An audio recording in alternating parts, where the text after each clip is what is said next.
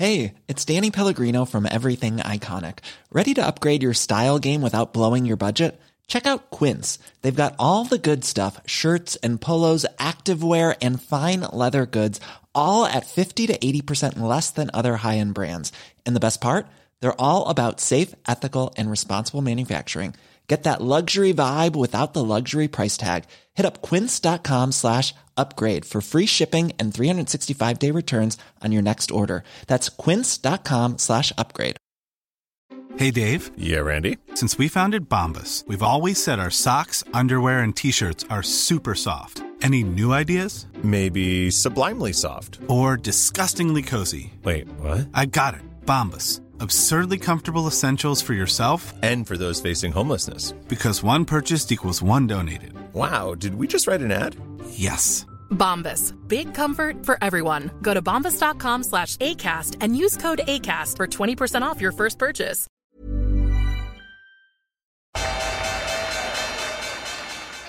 They mistook leverage for genius. Leverage for genius. I would recommend Japan. The governments don't rule the world. Ja, da gjentar jeg. Nå har jeg starta opptaket. Fortsett med det du sa nå. Ja, altså det, det basically så Vi hadde jo akkurat begynt å snakke om, eh, om endringene i, i gassmarkedet, altså nemlig at Russland Nei, Vi har snakka om fryktreaksjonen i helga. Ja, men altså vi må ta hva den er forankret i. Den ble jo da forankret i at Russland da ikke vil fortsette, altså de stenger rett og slett eksporten på Nord Stream 1, som er den gasskabelen som går fra Russland til Tyskland. Um, og dette, denne har jo vært oppe i lang, lang tid. Altså snakk om denne, og den har vært nede for såkalt vedlikehold, og de skiftet riktignok en turbin osv. Og så har den da Men hele tiden så har man fått mindre gass. ikke sant? Nord Stream 2 er ikke operativ, Nord Stream 1 er, har fortsatt vært. Og det har vært de som har påstått at det vil være svarte natta dersom de stengte denne. Og det er på en måte noe av det siste man i diskursen, altså den generelle diskursen, nå snakker jeg ikke om i inne i gassmarkedet, men i den generelle offentlige diskursen så har det vært kjent. Så i denne helgen så får vi da beskjed om at Sverige eh, går, gjør mottiltak, og det har jo med, med, med sin kraftindustri å gjøre, og er nøyaktig basert på de tingene som vi beskrev i forrige podkast, nemlig at det er færre aktører i markedet de må ha, voldsom, de må ha voldsomt med, med eh, likvide midler. Fordi hvis du er en kraftprodusent, så kan du gjerne selge kraften din for levering f.eks. i januar eller første kvartal neste år eller ut på året neste år. Men du må stille sikkerhet for den leveringen. Nå blir dette en litt lang innledning, men jeg tror vi skal bare skjønne hvor folk kommer fra. Du må stille sikkerhet for, for at du faktisk kan levere. Og det hjelper ikke det at du sitter på store vannmengder. Børsen eh, tar, ikke, tar ikke pant i vannmengdene dine. De vil ha sikkerhet. Og den stilles i form av kontanter. Den samme børsen som uh, Einar Aas uh, revkjørte seg på. Ja, altså Nasdaq og Nordpol, uansett hvilken det er. Altså, jo, men det er signifikant, fordi at her er dem han møtte i døra på vei ut, som nå må beiles ut. Minn meg på det, så skal jeg gjøre sammenligningen etterpå. Fordi jeg så at det ble tatt opp, at dette var liksom Einar Aas ganger 100 eller et eller annet sånt. Og, og, og, på en måte så er det ikke det. Men hvis du spør meg om det etterpå, så skal jeg gå gjennom det. Men, men poenget er da at hvis, et, hvis en kraftprodusent har, har solgt uh, kraften sin for levering i neste år på en gitt pris, så har han, måttet stille kontantsikkerhet for at, kan, for at, han kan, levere det, til tross for at han egentlig sitter på vannmengden. Men så stiger da prisen videre, og da får han ytterligere kontantkrav. Til tross for at han sitter Vannmagasinet hans er urørt. Og så stiger prisen enda mer, og så må han ut med ytterligere. Og det vi da får, er en likviditetsskvis. Det er ikke leverans, et leveranseproblem, men et likviditetsproblem, for han sitter faktisk på vannet. Så kan du si at, at hva med bankene i dette? Jo, banker er jo med på det opp til et visst nivå, Og da begynner det å, å, stresse banken, for ikke fordi de tror kunden skal gå over ende, men fordi de kan ikke ha større engasjement enn X med én kunde osv. Og, så og plutselig så kommer en likviditetscrunch. Så det er liksom grunnlaget. Så du, du har to ting som skjer ved lite likviditet i markedet. Det ene er price discovery, altså at prisen blir mer tilfeldig. For det er ikke nok aktører som er med på å bestemme prisen. Så det er, det er mulig for enkeltaktører å flytte prisen eh, med vilje, eller mot sin vilje egentlig, rett og slett fordi de er, de er, store. Den andre risikoen du tar i et marked, det er jo likviditetsrisikoen. Det at du ikke klarer å øh, altså, Og den, den, er, den, er, eh, delt i to, den òg. Den ene er at du får ikke solgt øh, eller kjøpt til den prisen du vil, for det er for lite øh, tilgjengelig på hver pris. Det, har, det, er et stort problem i finansmarkedene generelt. Og det vi har vært inne på øh, også for, forrige gang. Og det tredje er det med likviditeten, at de ikke får da de får ikke lånt slik at de kan stille sikkerhet. Fordi de må ha enormt mye penger. Det mer det svinger, det mer forlanger børsen at de stiller for hver, hver kontrakt. Selv om produsenter stiller vanligvis mindre sikkerhet enn f.eks. En, en spekulant, ref. Einar Aas. Forskjellen mellom Einar Aas og en kraftprodusent er at Einar Aas var ren spekulant. Han eide ikke kraften, så han kunne ikke levere den. Og posisjonene ble store. Og her går vi med dette med, med, med likviditet.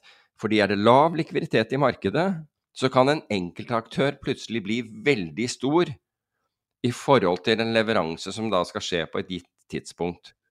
Dette var det som skjedde med, med Einar Aas. Han var markedet, og det var ikke bra. Det er, det er, greit å være marked når du kan pushe det i din retning, men det er absolutt ikke greit å være den største i markedet hvis du skal ut, og alle andre vet at du er den største.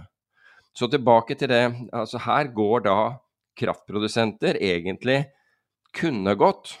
Fordi vi får den da den nyheten i helgen om at, uh, at, man stenger Nord Stream 1. Altså man, andre, man kommer ikke til å, å, sende gass gjennom Nord Stream 1 etter dette vedlikeholdet, som da uh, skulle vare i tre, tre dager.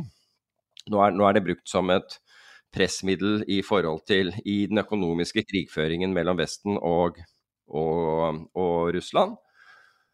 Og det skaper da naturlig nok panikk, fordi hvor skal man skaffe midlene fra? Altså Plutselig så kan kraftprodusentene har da får panikk, fordi de, har, de forventer da store uh, sikkerhetskrav på mandag som følge av at er, vi nå har fått beskjed om at Nord Stream 1 ikke kommer til å levere gass til Europa og Tyskland. Og der, begynner, der bryter på en måte panikken løs, men den, den panikken er veldig kortvarig. For den svenske statsministeren er handlekraftig. Hun er tydeligvis en som ikke bare står, på sidelinjen et år og sier at hun følger nøye med. Hun er umiddelbart handlekraftig. Hun forstår problemet og sier at hun skal tilføre at staten er villig til å tilføre milliardbeløp, altså hundrevis av milliarder, som sikkerhet. Valg har en tendens til å påvirke handlekraft, tror jeg. Det er valg om ei uke i Sverige. Jo, men, men, du kan si at her er det, her er det faktisk nødvendig. Og, du kan si i, i forskjell fra f.eks. koronastøtten, som den, altså hundrevis av millioner som ble gitt til enkeltselskaper i, i Norge. Der hadde du ingen leveringssikkerhet. Du fikk ikke pengene dine tilbake, som vi, vi, vi har nettopp har, har, har, sett. Til tross for at de kan tilbakebetale milliardbeløp, så får, får, får ikke skattebetalerne pengene tilbake, eller borgerne pengene tilbake det, de er tapt. Men i det svenske tilfellet så eier da disse, altså kraftprodusentene, eier kraften. Så det er rett og slett kun likviditetstilførsel. Det er ikke, det er ikke støtte, det er ikke noe man gir bort, ingenting i det hele tatt. Det er bare for å sikre systemet. Fordi, men det er jo også det at Sverige har jo lange, lange kapitalistiske eh, kapitalistisk historie. Og forstår viktigheten av å opprettholde markedet og eh, kombinert med valgkamp, eh, og kombinert med at de ikke produserer så nevneverdig mye kraft. Sånn at de får en helt annen de, Det blir en helt annen brikke i det spillet. det blir en brikke i dette her spillet, men du kan si Ja, men de spiller det på en helt annen måte enn Norge, da. Eh, interessant ja, no, ja, men Norge spiller jo ikke dette. Jeg er jo ikke i, i det Her skjer det jo ingenting. Her vurderes det jo hele Nei, tiden. ja, men det er jo fordi at man har en enorm inntekt. Så du den VG hadde jo den der Var det 55 milliarder så langt i år? Det er. Det er jo det jeg har sagt hele tiden. Dette er jo bare å fordele inntekter, det er jo ikke støtte. Det er din legitime altså andel av noe som er bra. Og du kan si at hvis strømprisene faller, så får du jo mindre, ikke sant. Så det følger Det er jo ikke slik at, at beboerne i Norge får noe. Altså, det er jo bare en andel av verdiskapningen. Men poenget man mitt med, med svenske tiltaket var at de bare pina må gjøre noe. Ja, altså de var Altså det som det man var redd for der, var integriteten til det, det, det svenske kraftsystemet, om du ville, og det finansielle systemet, som egentlig er, er, større og en del av det. Eller du kan si kraften er en del av eh, det finansielle eh, systemet.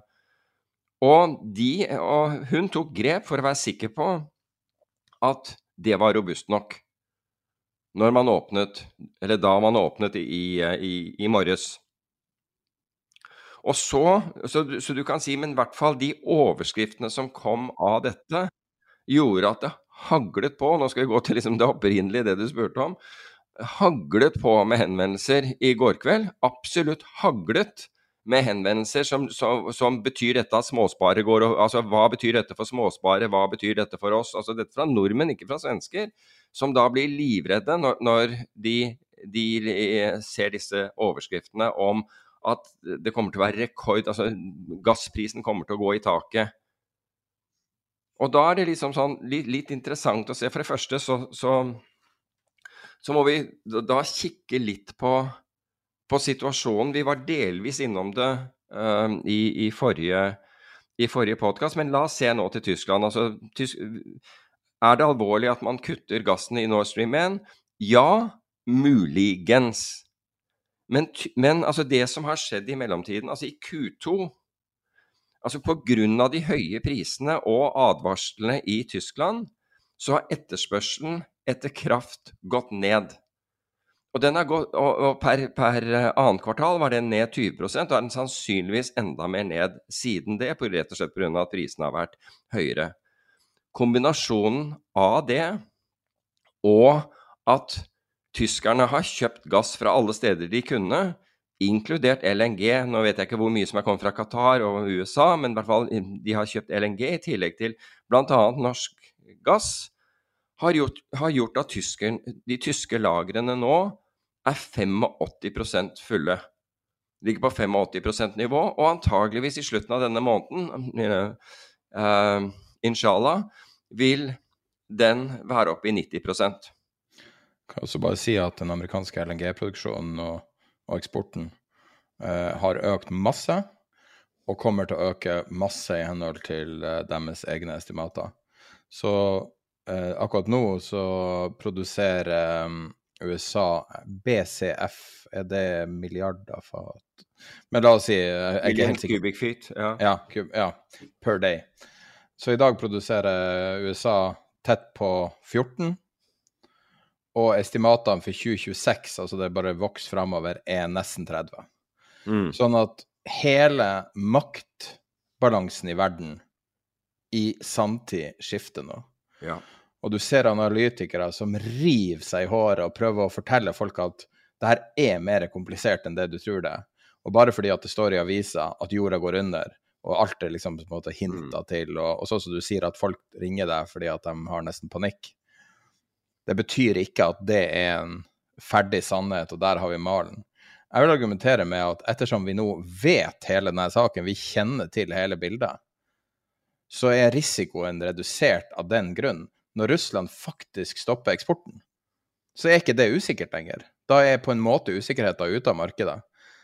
Det negative har skjedd, og så ser vi konsekvensene av det. Selvfølgelig er det ikke optimalt resultat, men det går an å se noe positivt i det negative også, syns jeg. Ja, altså, jeg, jeg er enig med deg. Altså, du, du tar den ut av Du tar på en måte den jokeren ut av markedet, slik at hva Altså, hvilken situasjon Altså, vi hadde Jeg er helt enig med deg. Frem til, uh, frem til at, at Russland uh, utvetydig, utvetydig, sa at uh, de ikke skulle eksportere gass, så var det en mulighet for det, og den muligheten gjorde på en måte at man var i en form for halvveis litt sånn gisselsituasjon. Kunne være det. Ok? Um, ved å si at dette ikke skjer, så blir på en måte opsjonen Blir dette til en opsjon. Altså med andre ord, det kan hende at man Altså, vi vet, vi vet hvor vi står nå, men det kan jo hende at de slipper noe igjennom. Men da vil situasjonen være bedre enn den vi står i nå. Men hvis du ser den situasjonen som Tyskland står i nå, så skal Tyskland ha nok kraft for denne vinteren og frem til noe sånt som april. Og altså hvor, hvor rett og slett eh, det, det, forhåpentligvis blir varmere. Altså usikkerheten som, altså fordi det er, jo, det er, jo, selvfølgelig usikkerhet her fortsatt. Kan vi bytte ut, bytte ut 'skal' med kan, 'kanskje'? Har kanskje nok? Ja, og, og, her kommer det. Det er helt riktig. Og det er altså usikkerhetsmomentet ligger i at det blir, plutselig blir ekstremt kaldt. Ja. Får vi en ekstremvinter, så har de ikke nok. Dette er en La Ninja-vinter. Og La Ninja-vinter, eller det her er et La Ninja-år. Og La Ninja er forbundet med kalde vintre. Det det tredje La Ninja-året på rad. OK. Um, I'll, I'll, take your word for it, men, men, du kan si i hvert fall men, men slik jeg har forstått det, så det, så er det ingen som klarer å spå været uh, så langt. Og, det, og, mest sannsynlig har jeg i hvert fall det, det jeg har oppfattet av meteorologene, er at det, det blir ikke, det blir ikke noe Finnbull-vinter. Men liksom, hva vet jeg? Og jeg er ikke meteorolog. Så du kan si at og, og, Så det er situasjonen. Så hvis, hvis du tar det ut ifra det, og så sier du at um, det, det, er ikke en black swan-event ja, Det ville være en black swan-event hvis det ble minus 30 i snitt. Det ville jo definitivt være en black swan-event, for det ville være langt utpå ut der. Men, men hvis, du, hvis du tar den distribusjonen, da, så er Tyskland per nå OK. Så det er det ene. Så går vi til det andre. Så går vi til dette her. Å, herregud, det kommer til å gå rett opp. Og det første du ser, er vanvittig oppgang i gassprisene. Gassprisene til himmels. Nå bare, nå bare leser jeg av, eh, av, av, overskrifter. Så hvor mye gikk gassprisen? Jo, gassprisen var vel opp litt over 30% på det verste eh, i, i, dag, men vi vet jo ikke. Det er fortsatt way Altså, vi var vel oppe i noe nesten 290, mens, uh, mens uh, the highs er høyere enn det. Så vi er jo ikke i nærheten egentlig av, av all time high. Den, den, tror jeg var på nesten 350, og det var i slutten av august. Så til tross for dette sjokket og denne, dette forferdelige som har skjedd, altså i anførselstegn, så er vi godt under topp, uh, toppnivåene fra, fra august. Jeg likte det chartet du la ut på uh, sida, som viste distribusjonen av uh, bevegelser, endagsbevegelser i gassmarkedet. Utslaget 123 er et utslag. ja. Så uh, det er greit å ha det i bakhodet. Det var veldig bra illustrasjon av akkurat det. Dette er ikke en, en typisk uh, distribusjon av uh, det er ikke normalfordeling her. den, den, følger, den, følger, den, følger, en veldig leptokurtic eh, distribusjon, he, helt opplagt. Men, men, du kan si at man blir jo sjokket, men hvis du begynner å se på, hvis du begynner å se på volatiliteten eh, som, som, eh, som gassen har hatt, så vil du se at det tilsvarer mellom 15 altså litt avhengig av hvordan du regner, mellom 15 og 18% svingninger per dag. Det er en normaldag, bare bare for å si det. Så eh, da jeg forlot uh, terminalen, så, så, var gassen opp ca. 25 uh, fra, fra, fredag. Men hvis vi går bare litt tilbake, så går du tilbake til 22. og 23. Uh, mars i år, 21% opp. 10. mars var den opp 17. 9. Men, men, men jeg sier som deg med bitcoin. Hver gang du nevner om bitcoin, så begynner du å snakke om eh, hvordan det har gått de siste fem årene og sånn. Year to date på gassen er fortsatt 226 opp. Yes. Og strøm er opp 600 så liksom, la oss, la jeg, jeg, Du, eh, jeg har en vinter eh, Jeg har en vinterprognose for deg her. Old Farmers Almanac i USA, som er en sånn Du hører noe av det? Og de, de, har, de, har, de har for eh, Bayern. Det er imponerende. Nei, nei, for USA. Mm. De sier kald, kaldere enn vanlig. Det betyr ikke at det er kaldere i, i Europa, bare så det er sagt. Nei, men det er i hvert fall en, en risiko for at det ikke blir en varm vinter, kan man si. Det kan man si. Men, men hvis vi går tilbake til, til, til februar, 24. februar, så hadde vi 48 eh, oppgang i, eh, i, i gassprisen. Vi var ned 30% dagen etter, og dager, noen dager etter der så var vi opp 54% og 36% Så bare for å putte det i perspektiv Gassprisen har fluktuert veldig kraftig i år. Veldig kraftig. Og den Altså, gass er, altså, er, er like stabilt som nitroglyserin. Bare så det er sagt. Så la oss få det i, eh, i, i perspektiv. Og som du er inne på, så er det jo helt riktig at hvis vi ser på eh, altså olje Som sagt, strøm er opp 600, 600% olje er opp 22% Dette året her har virkelig svingt. Det har ikke svingt så mye for, for Oslo Børs takket være at Oslo Børs består Altså er rett og slett diversifisert innenfor, innenfor eh, de eh, råvarene, om man vil, hvor det er knapphetsfaktor. Olje og gass har liksom dratt, dratt Oslo, Oslo Børs. For øvrig så er det litt mindre enkelt enn det. For hvis du er en amerikansk investor og har investert på Oslo, på Oslo Børs, så istedenfor å være opp 6% i år, så er du ned 8 Så man må se liksom Oslo i, i perspektiv. Men hvis du ser over disse forskjellige aktivaklassene, så har du japanske yen er ned 18% i år. Det er en hovedvaluta, bare så det er helt klart. Og når folk sier at bitcoin det fluktuerer overalt, og det kan ikke fordi det er så ustabilt Det er en del valutaer av de store valutaene som også vil bli betraktet som ganske ustabile. Og norske kroner f.eks. under covid var vel også en av dem, tror jeg. For den, den svekket seg vel 30 Hvor, eh, hvor svakhetstegn er det for igjen at den, den klarte å stabilisere seg over 1,40? Altså, jeg Som, som nivå er 1,40 stort, altså. Ja, altså jeg liker jo altså jeg liker jo igjen på dette nivå, nivået selv, fordi jeg tror at altså med den svekkelsen av yen, som til å begynne med var positiv, fordi den gjorde japansk industri mer attraktiv, altså eller japanske varer produsert i i Japan, mer attraktive for, eh, for internasjonale kjøpere. Men nå er du kommet til et punkt hvor du, hvor du importerer inflasjon så det holder også. Vi er et land som er usedvanlig sensitiv på det. Et land som er usedvanlig sensitiv, en sentralbank som vi vet at når den først griper inn, så griper den inn så det holder, eller den, den, kan være, den kan være tung. Og jeg tror ikke det er i Japans interesse at denne svekkelsen fortsetter noe særlig eh, eh, fra disse nivåene. Men er det ikke litt mer Unnskyld at jeg avbryter. Nei, kom igjen, kom igjen, jeg vil gjerne høre. Nei, er, det, er det ikke tenker på Japan og valuta. Er, er, er det litt mer enn bare en annen et, et hvilket som helst land og en valuta? To ting. Det ene er Abenomics. Det gjorde hele verden obs på 120 som et nivå for dollar igjen. Mm. Og det var jo liksom Nå, nå er det jo tragisk at det er oppkalt etter den nylig avdøde eh, Hva, hva var Shinitsu Shininsu Ja, Abe, i hvert fall. Ja. Eh, og um, Shinzo Abe, selvfølgelig. Og, eh, og det andre er eh, det her eh, Det er jo mer kanskje fra 80-tallet, men det er fru Watanabe. Altså det at, Mm. at vanlige folk spekulerer i andre typer verdipapirer enn f.eks. i Norge. Det at, at det ligger tre, altså japanere ligger, ligger og trader i, i valutamarkedet, som, som er ganske crazy. Det er helt, helt korrekt. Um, så jeg, jeg føler bare at de to tingene der gjør at det her er en mye det er mye mer betent situasjon enn det kanskje kunne ha vært. da.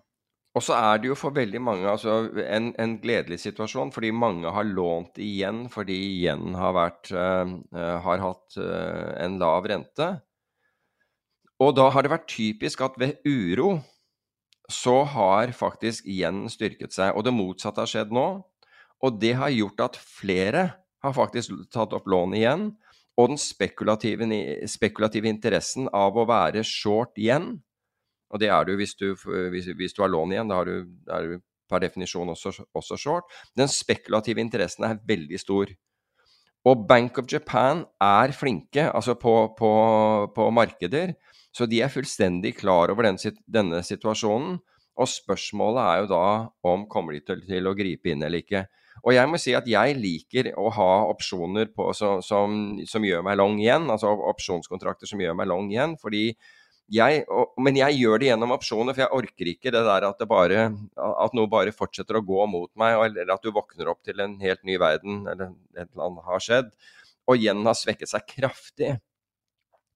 Jeg, jeg, kan handle dollar igjen i løpet av en dag frem og tilbake, men, men posisjoneringen min vil definitivt være i i opsjoner. Og i øyeblikket så ønsker jeg virkelig å være long igjen, så da, liksom, da kan du gjøre det gjennom cold spreads eller all, alle mulige ting, eller bare kjøpe deg en call på eller eller hva, som helst. Dette er ikke noe råd, men det er en av de tingene det er en av de valutaene som jeg føler er i, er i stor ubalanse, og hvor og hvor, og, og hvor, hva var det Tore Johnsen pleier å kalle det, mannen bak døra eller et eller annet sånt, eller mannen mann bak døra, plutselig kan, kan, kan dukke opp. Du vet at i podcasting så finnes det to synder, to ting man ikke kan gjøre. Det ene er stillhet, såkalt dead air, som vi uh, gjør av og til. og den andre er å shorte dollar igjen. Og det andre er å snakke om noe som skjer nå. og jeg vet at jeg har gjort det før, og jeg vet at enkelte folk forakter meg for det. Ja. Men skal vi ta og kjøre din realtime-reaksjon på ny statsminister i England når det kommer om et par minutter? Ja, øh, men det må jo bare være Altså, jeg har ikke noe sånn stor, eh, stor, For å være helt ærlig, jeg har ikke fulgt med så mye, men, men jeg forstår at det er liksom At dette favoriserer Liz Trust, og jeg øh, håper å si jeg, jeg, var, jeg var statsansatt da Maggie Thatcher led, ledet, ledet, regjeringen. Så, og hun skal da være mer Thatcher-lik, etter hva jeg forstår. Nei, hun er ikke Hun, hun, hun cosplayer jo som Maggie Thatcher. Ja, jeg, altså, hun kler seg ut som hun, har du ikke sett det? Altså, hun kler seg i identiske klær med identisk hårsveis som uh, Thatcher hadde. Mm. Merkelig oppførsel, altså. Ja, det er jo Men, det. Uh, det er litt spesielt hvor mange politiske situasjoner Jeg tenker på Italia har valg, Sverige har valg, og England har ny statsminister. Midt oppi det her kaoset som er nå. Ja. Det er ja, ikke lett å være politiker nå. så jeg må si Nei, at jeg, men, men, jeg kan... empatiserer med dem, for de er vant til at det er ganske mye roligere farvann. Ja. Nei, det er mye Men altså, dette er, jo, dette er jo året hvor mye skjer, hvor vi hadde forventet at mye skulle skje. Veldig mye pga. Uh, den endringen i finanspolitikken i, uh, i, i, USA. Men hvor vi virkelig ser altså Se bare, altså, vi har inflasjon fra altså, Reelt sett, ikke sant. Altså, det er greit at du sier at den er 6 eller, eller hva du vil, men du har inflasjon mellom 8 og 80 avhengig av hvilket land du, uh, du, du ser på. Ikke sant? Det er jo sånn vanvittige tall ikke det 2 i Kina? Ja, det er, det er mulig at, at, at, ting går så dårlig der nå. Det hjelper ikke at de stengte, stengte de for øvrig ikke ned Chendu i helgen? Jo, jo. Og eh, jeg så eh, Altså, no, først trodde jeg det var tull. Jeg trodde det var noen som kledde seg ut som en sånn her eh, Som en sånn der uh, tester. Mm. Men nå har jeg sett flere videoer som viser samme greia. Sånne folk med full, full, full HVAC, eller full sånn her um, beskyttelsesutstyr med sånne vattpinner og, og teste alle mulige slags sjuke ting på sånn PCR-tester. Mm. De gikk i en åker og testa forskjellige korn. PCR-tester murvegger. Altså det var jo sånn, ok, det her landet her har jo mista helt fatninga. Da har du for lite å gjøre. Men, men hvis vi liksom ser til disse, de, alt det som har skjedd vi, er, vi, var jo innom dette med gass og olje og strøm og igjen og osv. Det er noen, noen, fantastiske bevegelser. Inflasjonen gjennom taket overalt. Euronex Growth er død. Og, var, og apropos det, så syns jeg var fordi jeg så um, i dag fra Finansavisen på lørdag hvor en forvalter i Arctic han, han satser på lavt belånte selskapet med, med en med, hva er det for noe? Med en kapitaltett forretningsmodell og, stav, og stabil inntjening. Det er klin det motsatte av det de har pushet på kunder gjennom, gjennom Aunex Growth. Det er, liksom, er det mulig? Det er, altså, se hvordan verden har endret seg.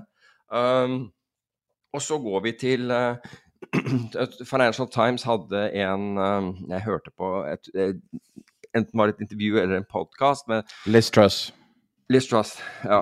Dæven, altså. Ja, men det var ikke noe stort eh, Det var ikke noe stor overraskelse, det. Kan jeg bare bryte den andre regelen også? Vent litt. har, vi ikke brutt, har vi ikke brutt alle, egentlig? Ja, Det var begge to. Da var jeg stille også. Ok. Sånn, ja. Ja, men, hvis, vi- men, eh, men i hvert fall jeg hører på denne Financial Times, og, og, hun, eh, hun som har denne Jeg tror de har en eller annen form for eh, enten digital eller kryptopodkast eller et eller annet sånt. Jeg husker ikke hva hun het, men i hvert fall hun er, hun er absolutt skeptiker til dette. Og så snakker hun om liksom dette krasjet innenfor bitcoin i år. Bitcoins volatilitet ligger på 50% eller over. Det vil si at du, at du av to av tre år får en bevegelse på 50% Så det er helt innafor. Men det blir omtalt som en veldig stor sak. Men det er jo ikke det som er den store saken. Den store saken det er jo når noe som ikke har volatilitet, plutselig viser seg å ha vanvittig volatilitet. Ta f.eks. gass. Vi visste at det var volatilt. Vi visste ikke at strøm kunne være så volatil som det er, så det er på en måte en story. Men det som er den virkelige storyen, den har jo tydeligvis unnsluppet i anførselstegn alle, og det er obligasjoner. For hvis du ser på statsobligasjoner, så har du forventet eh, ganske lav, altså 5-10 årlig standardavvik. Det, skulle, altså det ville være innenfor for, no, for noe sånt. Og isteden så er det ned 20-25 Det er enormt. Det er der overraskelsen er.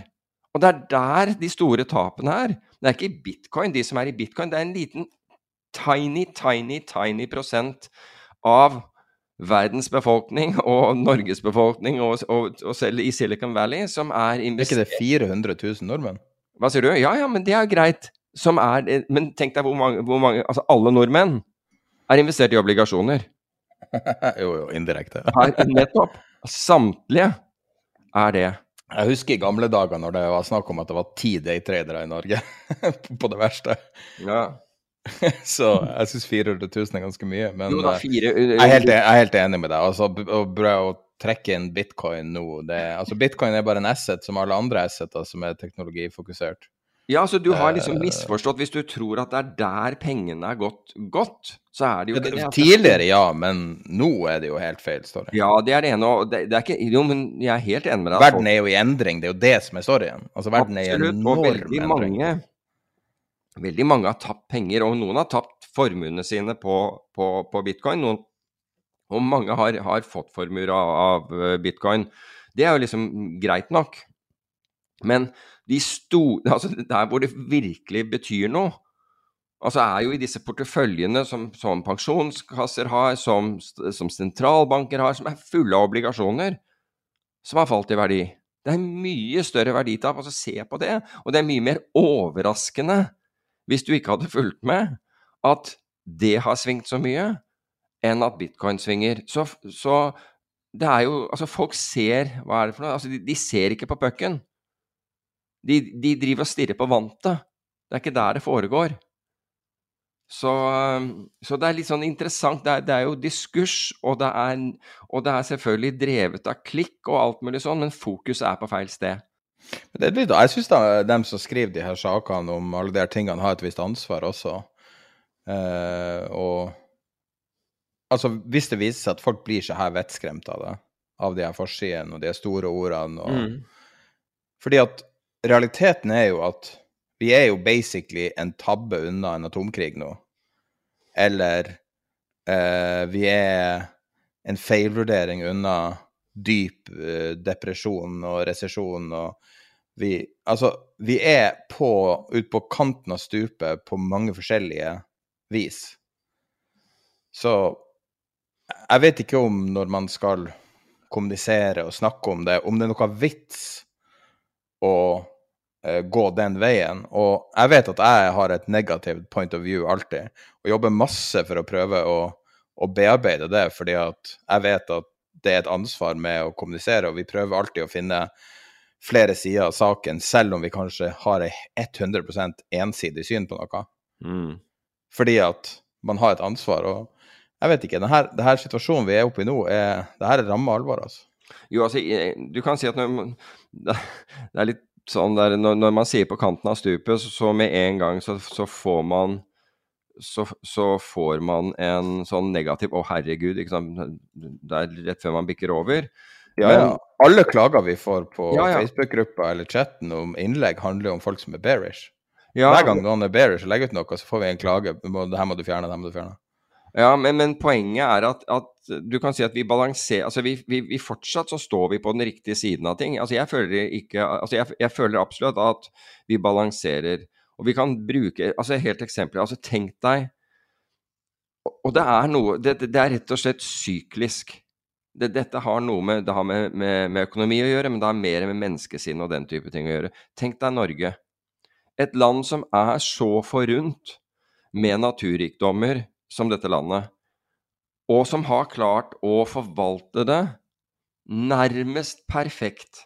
Nærmest perfekt har det vært forvaltet. Ting var i orden, alt var på stell, industrien fungerte, ting Du hadde forutsigbarhet. Og så bestemmer et enstemmig storting på basis av et materiale som man egentlig Som man ikke har vært kritisk til whatsoever, som sa at nei, dette vil Altså hvis vi, hvis vi begynner å eksportere strøm, så er det en to-tre øre.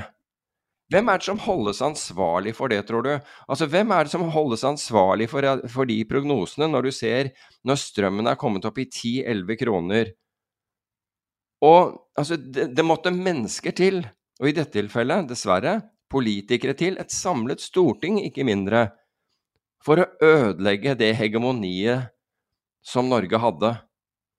Og det er da ikke slik at altså Ola Borten Moe han sier 'shit in, shit out'. Det, dette, dette er, um, dette er eh, sitat fra han i sommer, som åpent innrømmet at, at eh, materialet man hadde besluttet på, det man hadde fått til å, å foreta, fatte beslutninger på, var feil.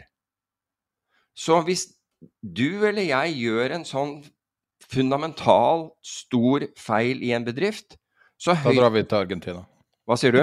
Da drar vi til Argentina. Da drar vi til Argentina. Så høyst sannsynlig Og blir helter der. Så, så høyst sannsynlig har, har du ikke fått med deg at, at en tredjedel av Stortinget skal til Argentina når den skal stemme om det? her? Åh, av alle land de valgte å dra til. Det landet som har gått konkurs flest ganger. Et land der det er konstant mangel på safer fordi at det er så dysfunksjonelt. Da sender vi champagnebolsjevikene til, til, til Argentina. Er det mulig? Men altså, virkelig Det er jo knallmat der, da. Så Ja, selvfølgelig. Ja, men hør her. Men altså, poenget mitt er. Poenget mitt er at hvis en bedrift gjør en, en grov tabbe, så lider bedriften og de ansatte og selvfølgelig eierne for det, og må prøve å rette opp det etter, etter, beste evne, og kanskje man ikke klarer det, og, og det går over ende. Når slikt skjer politisk, så går det, da går det utover altså da, da innrømmer man ikke feil, prøver ikke å rette opp, og samfunnet for øvrig, alle rundt, skal betale for det. For Så hvis det går galt, så da øker vi skatter. Og jeg skal love deg, altså hvis, hvis eh, vi skulle være så heldige at eh, at eh, kraft, altså strømprisene, kommer tilbake til et eller annet no, no, normalt nivå, og bensinprisene skulle gjøre det samme, da øker man skatten fordi det, det, pga. inntektstapet til, til staten. 80-90% av å være politiker, etter, altså dette er en påstand, går til å forsøke å bortforklare egne feil. Og da er det ikke mye tid igjen til å skape noe nytt altså, og bedre. Men vet du hvordan politiker som hadde rett? Den eneste som jeg vet som, som forutså det her, som sa det on record og forutså det her. Hva er rødt, det? Trump. Å ja, i, i forbindelse med tysk Ja, og det har jeg nevnt. der, altså det klippet der er jo helt episk. Det gjør meg vondt. Det gjør meg vondt å si at han hadde rett der, men han hadde 100 rett da han Så det var en bullseye. Hun- 100 Ja, du mener da han advarte tyskerne, ikke sant? Han sier hvis dere ikke endrer kurs nå, så kommer dere til å være 100 avhengig av Russland. Germany will become totally dependent on Russian energy if it does not immediately change course. Here in the Western Hemisphere, we are committed to maintaining our independence from the encroachment of expansionist foreign Ja. powers. Jeg husker det. Jeg, jeg har Og og så sitter den, og flirer av han. Og det er ja, det er det verste. At jeg, jeg så det bildet senest i dag på, på Twitter, hvor den gruppen, den, dele, den tyske delegasjonen, sitter og flirer. Jeg kan legge ved det i nyhetsbrevet, det klippet. For det, det er virkelig rart å se på. Fordi, altså, tenk deg hvor mange situasjoner Trump har sagt dumme ting, Mm. og man sitter og hører på, på at liksom prøve å bortforklare ting. Altså, her er det her er det noe virkelig sånn sjelden visdom som kommer ut. Vi ante jo selvfølgelig ikke det da, men uh, det var jo ingen som tenkte på gass i det hele tatt fram til plutselig alle tenkte på det. Men det sies at setter du nok uh, sjimpanser foran, foran skrivemaskiner, som det var den gangen, men sikkert datamaskiner i dag, så vil en av dem skrive Iliaden. Så, men, han hadde, men jeg er enig. Trump hadde, hatt Ja, eh, du glemte det viktigste ordet i den kalkylen, da. Uendelig. Mm. Hvis du setter uendelig mange sjimpanser foran, da gjør du det. Ja. Veldig viktig. Men, eh, eh, Men hva, hva er ditt syn på hele greia, da? Vi fikk jo et sånt eh, spørsmål fra ja, flere lyttere som mer eller mindre, som du beskriver, at folk har til, tiltagende panikk, nesten. Eh, I ordlyden. For første gang i år, egentlig. Altså, Jeg syns jo det at svenskene tok grep med en gang, det er et eh, eksempel til, eh, til etterfølgelse. Nå viser og i, I forrige uke så skjedde det jo forskjellige ting, annet Ursula von der Leyen, som da kom ut og, og ville cappe eh, eh, gass og, og, og, og, kraftpriser. Så her skjer det ting, tross alt. Altså her, altså det fikk jo alt til å falle kraftig i forrige uke. Vi var vel ned 50% på, på det meste, men det falt ganske fort. Altså da vi hadde, eh, mens vi satt i forrige podkast, da sa jeg nå gassprisene i dette øyeblikk er ned 16% De fortsatte ned 40% og så falt det ytterligere eh, etter det. Så det som da Støre sier definitivt ikke, som de har analysert og funnet ut at det skulle han gjerne gjort, men det er ikke en god løsning. Det har da at øyeblikket etter så finner EU og andre ut at det er løsningen. Det må Det er være bra. Jeg, jeg syns det er bra. Og det her gir meg litt samme vibber som eh, starten av korona. Uten sammenligning for øvrig. Men når du så politikere som har stått eh, stel mot hverandre så i alle mulige saker Du så bare alle sammen gå sammen, mm. og, og på tross av at det ikke hadde skjedd enda At de klarte å virkelig agere. Og, den, og det er jo den tidlige handlinga som er så viktig. Og det at Tyskland nå har vært relativt tidlig ute, relativt tidlig, det er fortsatt 20 grader her Mm. jeg er nå, og, og det kan være forskjellen. Og de har jeg, jeg, mistenker at det her hele greia kan styrke Europa og EU betraktelig. At Ja, det, ja jeg, jeg Altså å svekke, og permanent svekke Putin, Mm. altså spesifikt Putin, men Russland også, at man setter Russland ordentlig på plass. 70-80-90 år. De har aldri blitt satt på ordentlig på plass. Men når Russland nå uh, stanser gassleveransen fullstendig til Europa, og finnene allerede for jeg tror det var to uker siden meldte om gassbrenning Altså, de, de kunne se øh, flammer fra, fra øh, sånne gassbommer, altså hvor man brenner av, av gass, fire mil inne i, i Russland. Det betyr et voldsomt inntektsfall for Russland, for det betyr jo at eh, at eh, deres egne lagre er, er fulle, og nå har man eh, alternativet av å stenge gassfelt, som ikke er nødvendigvis helt enkelt. Og, eller du kan si du kan, du kan stenge dem, men det er ikke nødvendigvis enkelt å få dem i gang igjen. Eller brenne denne gassen, som betyr fordi du, du eksporterer alt det du kan til, eh, til India og Kina og Kasakhstan og øh, og Hviterussland, men det er ikke nok. Du får ikke nok gjennom det. Det er noen sugerør som går i, i, i den retningen, mens du trenger uh, Lærdalstunnelen i, i kapasitet. Um, så resultatet er jo at én Russland får ikke inntekter, og to miljøet skades ved at dette her brennes av. Så de to tingene er, er, ikke noe, er ikke noe hyggelig å tenke på. Men økonomisk sett så betyr det at Russland går, går, enda lenger tilbake.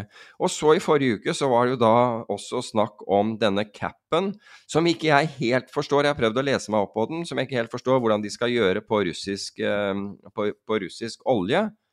Nå har jo både Kina og India økt sin import, men jeg tror ikke den samlet er på mer enn hva kan det være? Det er to millioner fat om dagen eller et eller annet sånt.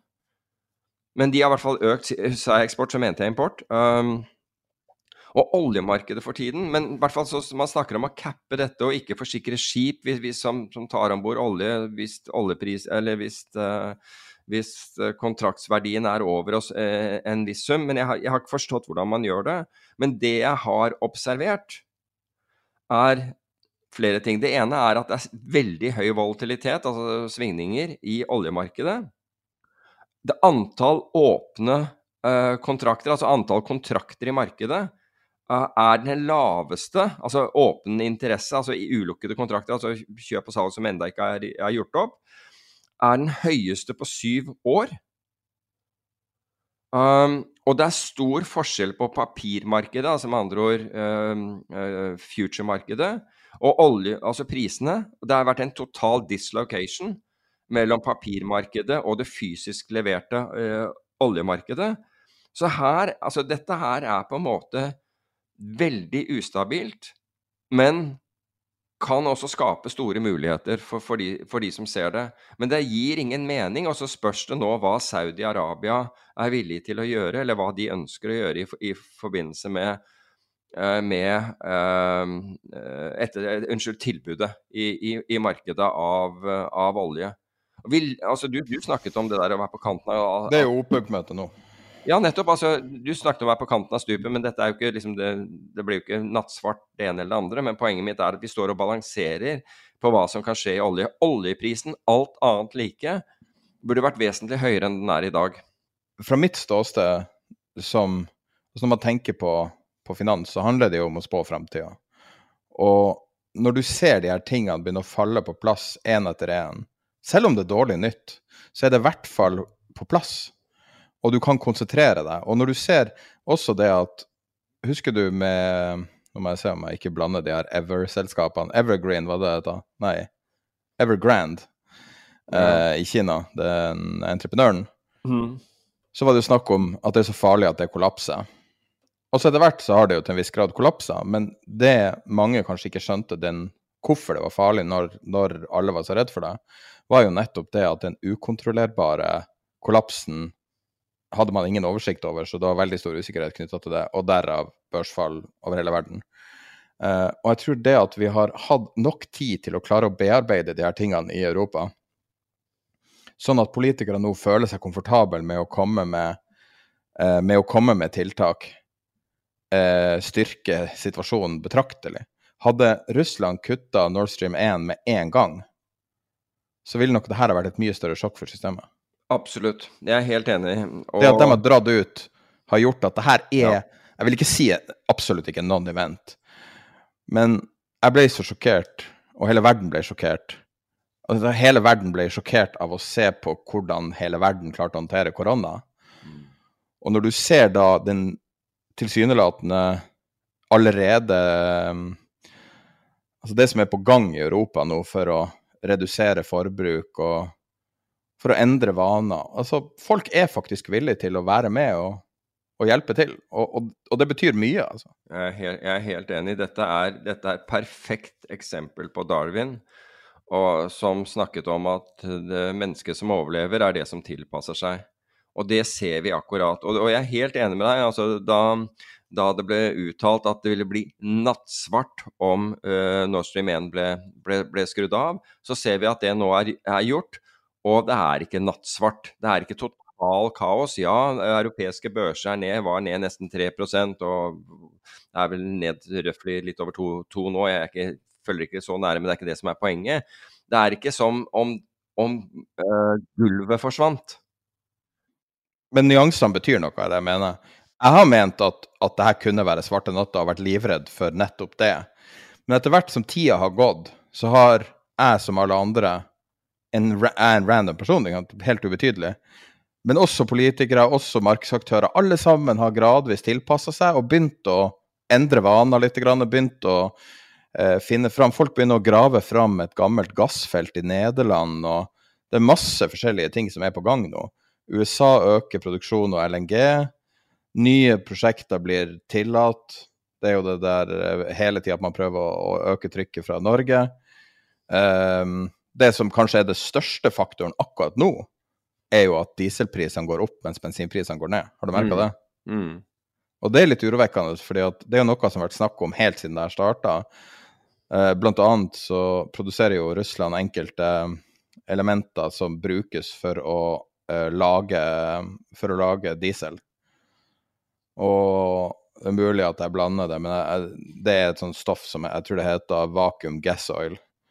Men det, er mulig at jeg blander, jeg er ikke noe teknisk, noe teknisk begava her. Men eh, diesel har blitt For diesel kan brukes til oppvarming. Og eh, det er frykta at og, og, alle lastebiler går jo på diesel, ikke sant. Så, så det, det er vel kanskje det største konkrete trusselen akkurat nå, faktisk. Ja, altså jeg, jeg, tenker jo altså Du kan absolutt se på, på, på alt som, som, trusler, men det er en del av, del av, disse tingene som vi absolutt ikke, verken du, jeg eller, eller noen, noen, vi kjenner, kan, kan, kontrollere. Slik at det, er, det handler om å gjøre det beste ut av, av situasjonene. Og jeg tror at Og jeg, jeg, er på en måte jeg er bullish på mennesker. Eh, jeg, er bullish på vår, vår evne til å tilpasse oss, selv om det kan være tøft uh, til, til, sine tider. Og, men stort sett går, går det bra. Men, men det, er, altså, det, er, jo et paradoks at dette her er Problemene, i hvert fall for Norge, er menneskeskapt. Det er de som skulle egentlig ta vare på, som har skapt problemene. Og der er vi. Men der er vi nå, og det, og det har ingen konsekvenser for dem. Det er, det er irriterende i seg selv.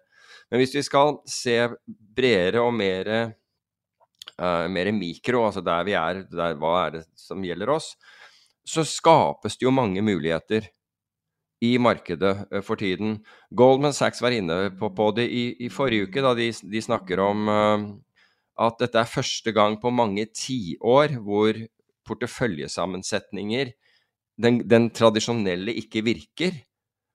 Ok, jeg syns det var vel sent å komme med det, men, men greit de kom med det. Og nå er det slik at nå endrer mange sin portefølje, eller i hvert fall begynner å se på det, sin porteføljesammensetning.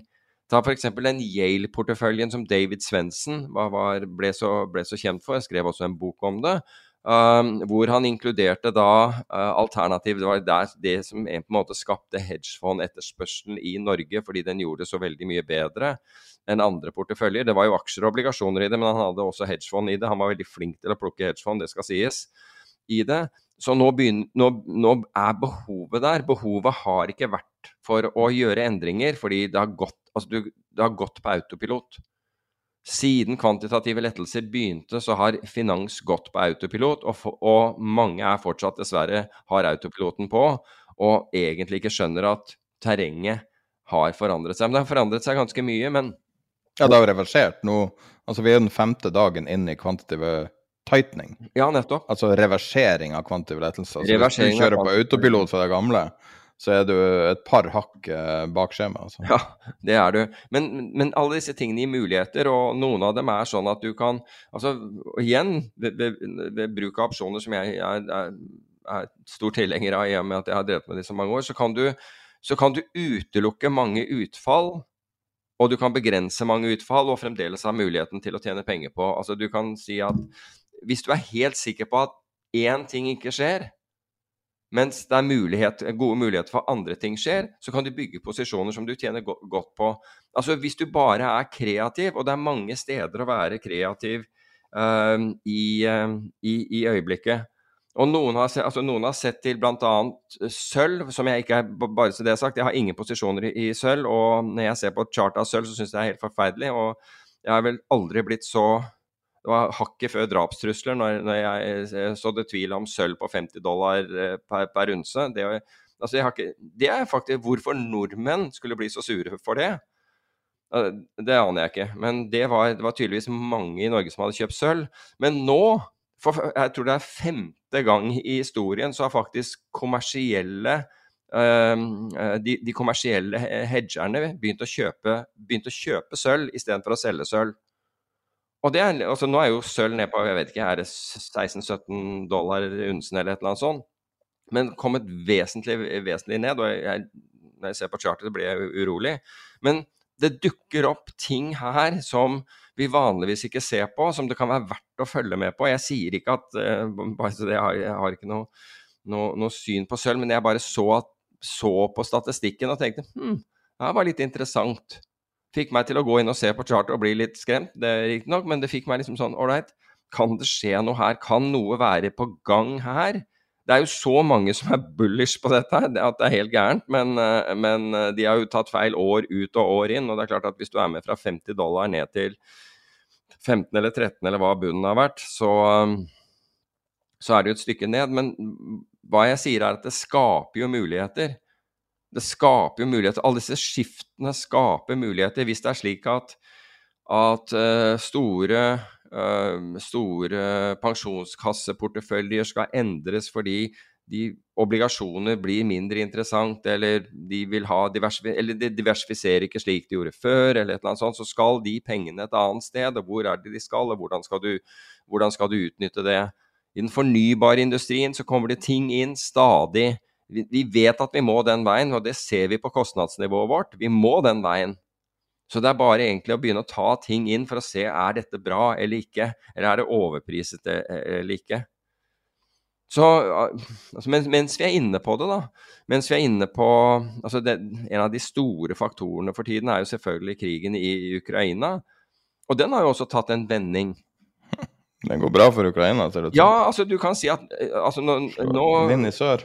Ja, nettopp. De har jo lansert, eh, lansert en, en, en, offensiv da, mot, uh, mot Kherson. Uh, denne byen som da befinner seg mellom, egentlig mellom, Krim og Odessa. Og det er, vel den eneste, det er vel det eneste området som russerne holder som ligger vest for den der elven som går, som går fra øst mot, mot vest Hva er den heter? Dnipro eller et eller annet sånt.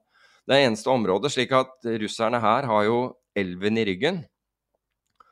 Og den er viktig fordi den, eh, den, eh, det går en europavei ned gjennom den til Krim. E, e, hva er det for noe? E97 er det det? Som går ned gjennom Kherson og, og videre ned til eh, er det Sevastopol eller noe sånt? Det høres ut som du nettopp har kjørt den.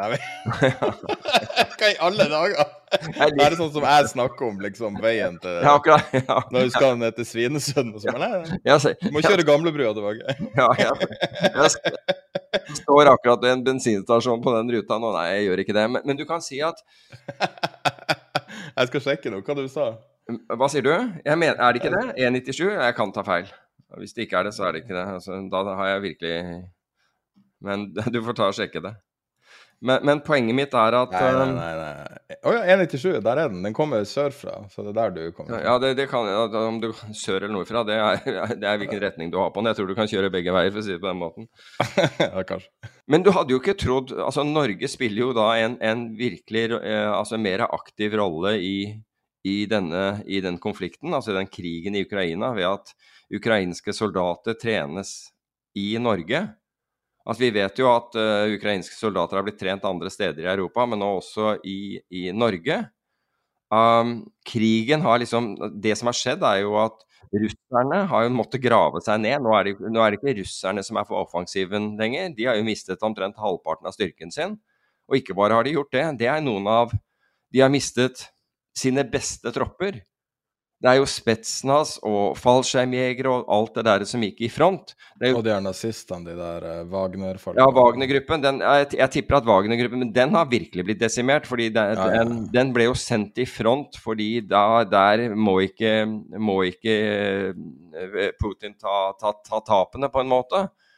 Det er fordi de er da De er jo russiske leiesoldater. Det er mange russere der, men det er, det er masse annet i den Wagner-gruppen, og den herjer ganske Om ikke fritt så er jo den, er jo den et, et, moment i, i Nord-Afrika, eller i Sahil-området. Um, brutale som, som fy, men, men, i hvert fall Det er ikke så mange HIMARS i Nord-Afrika? Det er ikke så mange HIMARS i, i Nord-Afrika, men det er det i, det er det i Ukraina etter hvert.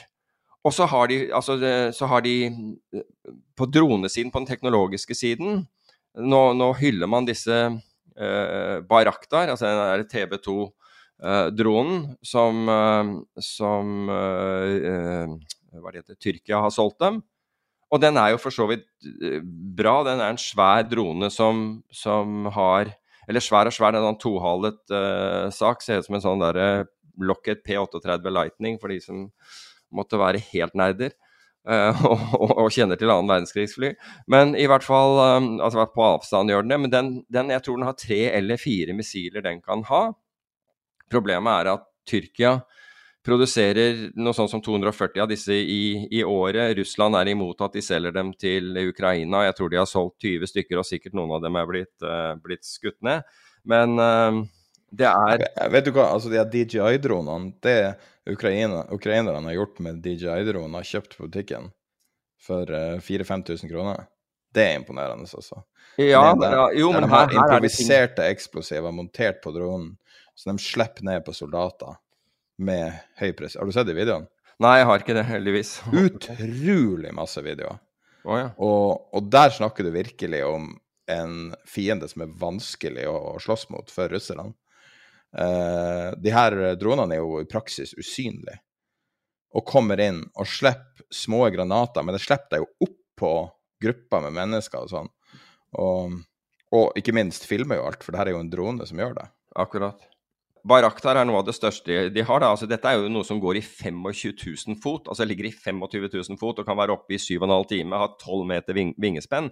Men for å dra det ned til Norge, da, og da var det jo en ny kontrakt forleden som ble gitt da til, eh, til FLIR, altså dette tidligere Prox Dynamics-selskapet ut i Asker, som da ble solgt til FLIR i USA. De fikk jo nylig en, eh, en kontrakt med å levere uh, ytterligere droner. Når jeg sier ytterligere, så er det fordi jeg antar at, uh, at det allerede finnes uh, slike droner i, i Ukraina. Men, men, i hvert fall disse, du, og du snakker om å være us, usynlig. Altså, disse er ikke weaponized. Altså, dette er jo da spaningsdroner som, som uh, små enheter kan ha, og som kan, som kan fly da to kilometer uh, ut, fra, ut, fra, der man, man, ligger i en observasjonspost. Være 25, være 25, minutter i lufta, kommer automatisk tilbake igjen når den begynner å gå, gå tom for, for, uh, for strøm hastighet 22 km i, i, timen, eller rett under. Og den har 12,3 cm, altså så, så, liten er den. Altså rotorlengden øh, er 12,3 eller bredden, om du vil. Nei, altså lengden på rotoren er 12,3 uh, cm og veiet, veier 33 gram. Men hva er det som er spesielt med den, annet enn at den er lydløs og bortimot usynlig? Og koster eh, to millioner kroner stykket? er det? Ja, det, jeg vet ikke akkurat hva, hva, hva altså Den for Bayraktar koster vel rundt fem millioner dollar eh, stykket, men, men disse, eh, disse, Men det kan jo for skyte noen. hva sier du? Ja, men, men poenget med, med, Hornet er da at den har ekstremt god optikk. Den har både nattoptikk og, og, og dagoptikk, og i tillegg kan uploade og downloade data, slik at den kan ligge et eller annet sted helt usynlig å, observere et mål og sende, eh, sende, data til et våpensystem eller et fly eller hva som helst, som da kan ta ut målet. Og du vil aldri vite at den er der. Jeg har fulgt med siden de starta. Og jeg har alltid uh, syntes at uh, Horneten var sånn moderat kvalitet. Jeg lurer på om at den virkelige styrken er at den snakker med det andre utstyret som militæret har. At det er integrert i Absolutt. For en DJI-drone er jo det motsatte av integrert. Ja. Det, du overvåker kineserne på toppen av alt, liksom.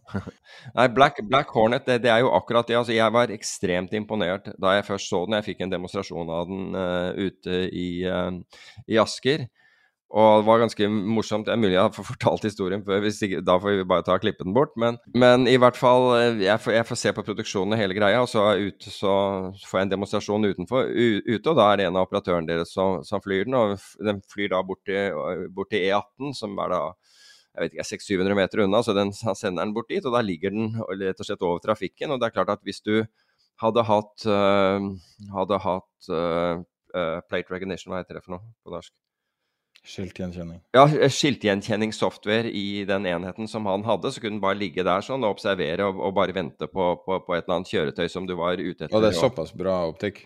Ja, absolutt såpass bra optikk. Okay. Det er helt suverent. Ja, da, da, da, er de offisielle bildene de har vist, ikke det ordentlige? Nei, eh, og det jeg skal love deg, og dette er bare blitt bedre. Men i hvert fall, da. Så, så han viser meg dette her, og jeg står og snakker med han og alt mulig sånn. og så og så, fordi han, han, står med da eh, panelet, han har det eh, eh, festet sånn med, en slynge rundt, rundt, nakken. Og så, så, så, sier jeg liksom sånn men, men, hvor nære kan den komme uten at du hører den? Og så sier han til meg se til høyre. Og så snur jeg meg til høyre, og da ser jeg rett inn i dronen. Altså hvor nært? Altså, jeg vet ikke, det var meter, under en meter. Han, han, du hører den ikke? Å, ja, han fløyet den tilbake igjen. Jeg tenkte jo ikke på det, så han har kommet tilbake igjen. Så jeg står og snakker med han, og da Altså, det, det, det var som at du kunne ikke ha laget en reklamefilm som var bedre enn, enn det, for å si det på den måten. Fordi jeg, jeg snur meg og ser rett inn i kameraet på dronen. Så men, men, poenget mitt er Men du kan jo gi disclosure, bare sånn, når vi først er inne på det. Jeg føler at det er greit. Ja, disclosure Altså, jeg er jo ikke investert Altså, jeg investerte den gangen i selskapet. Og, men så ble det jo dette kjøpt opp av, av FLIR, og da var det en sånn drag-along, så jeg er ikke investert i, eh, i, i, dette lenger. Jeg skulle veldig gjerne ha fortsatt å være investert i selskapet, for jeg, jeg så umiddelbart dette, det potensialet, og folk jeg, jeg kjente som var i Som, Som, som uh, jobbet med Jobber i uh, innenfor, innenfor, bruksområdet til denne her. Jeg husker at jeg, jeg entusiastisk fortalte om at dette her måtte de se på. Det, men, så jeg, jeg, så for at dette her ville være helt utrolig. Og all den konkurransen som er i dag, så er fortsatt den her enestående i forhold til akkurat det den skal gjøre. Det finnes mange andre applikasjoner og veldig mye bra, men denne her kan da kommunisere med alt som Vesten har av avansert ut, utstyr. Og da snakker vi altså uploade til slik at den, den kan sende targeting-data, den kan gjøre alt mulig. Altså spaningsdata, targeting-data, hva, hva, hva, det enn måtte være.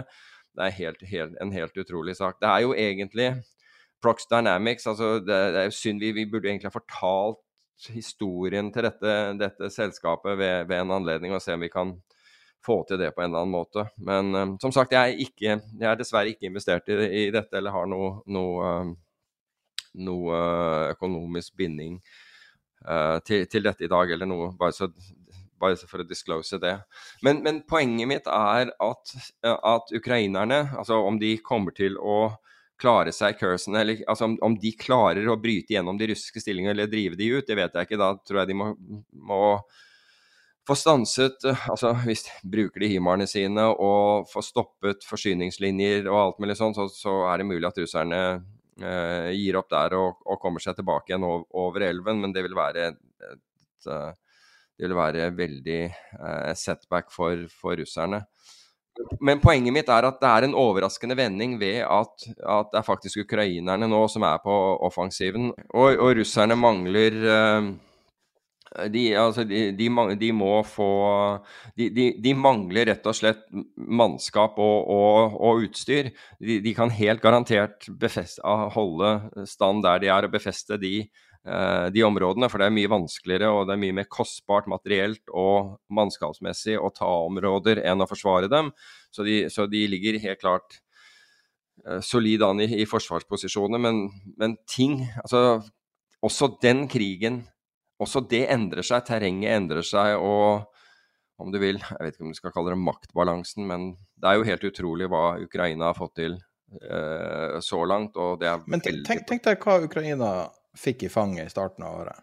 Det verste som har skjedd i Europa ja, siden andre verdenskrig. Det er vel ingenting som er verre enn det. Fordi de, Nå kaller de det Europa, så de er nært nok.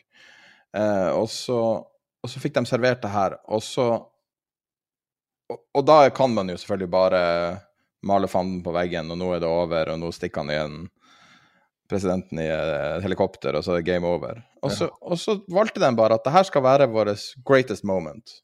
De bare valgte det. Mm.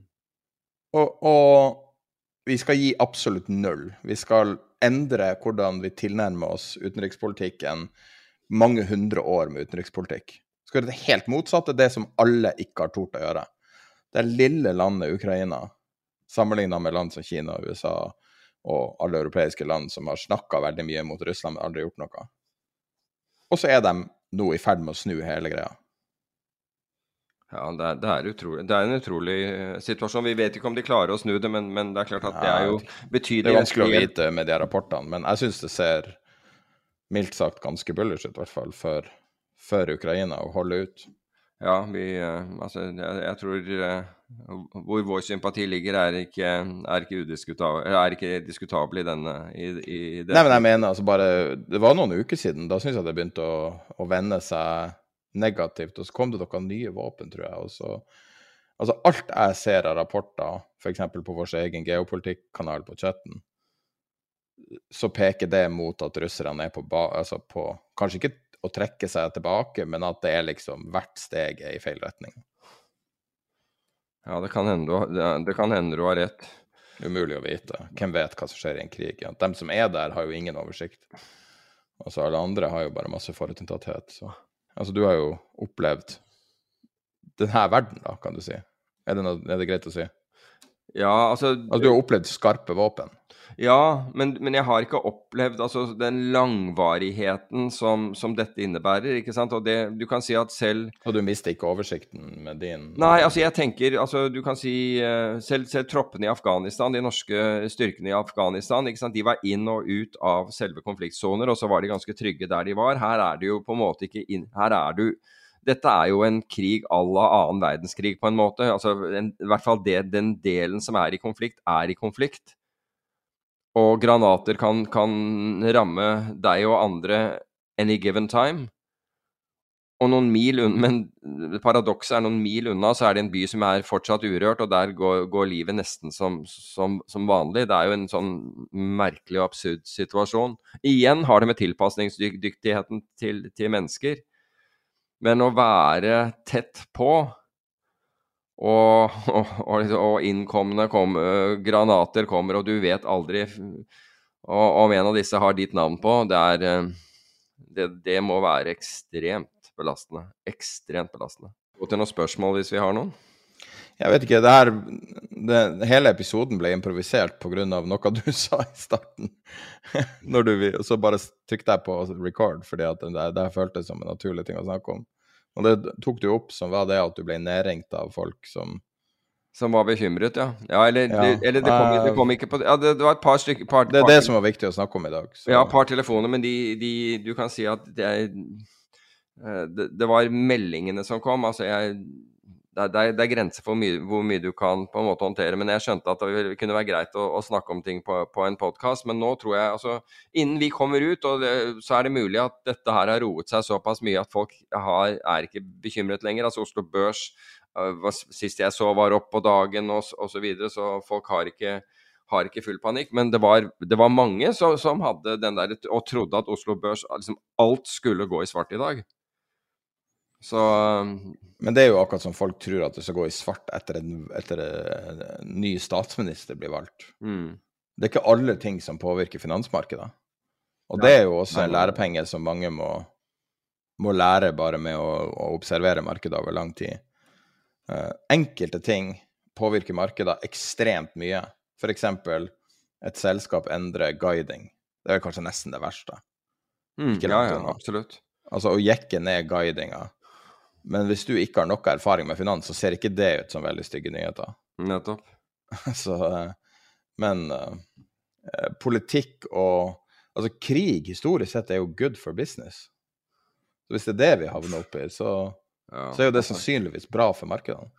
Det er, det er bra det, ja, det, er jo helt forferdelig å si at det er bra. For det vil jo bety si, gjeldsekspansjon, ikke sant? Ja.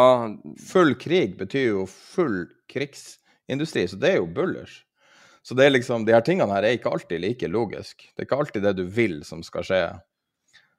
Du, du føler deg litt grann som en altså Bare å, å, på en måte si det der, så føler man seg jo som en krigsprofitør umiddelbart.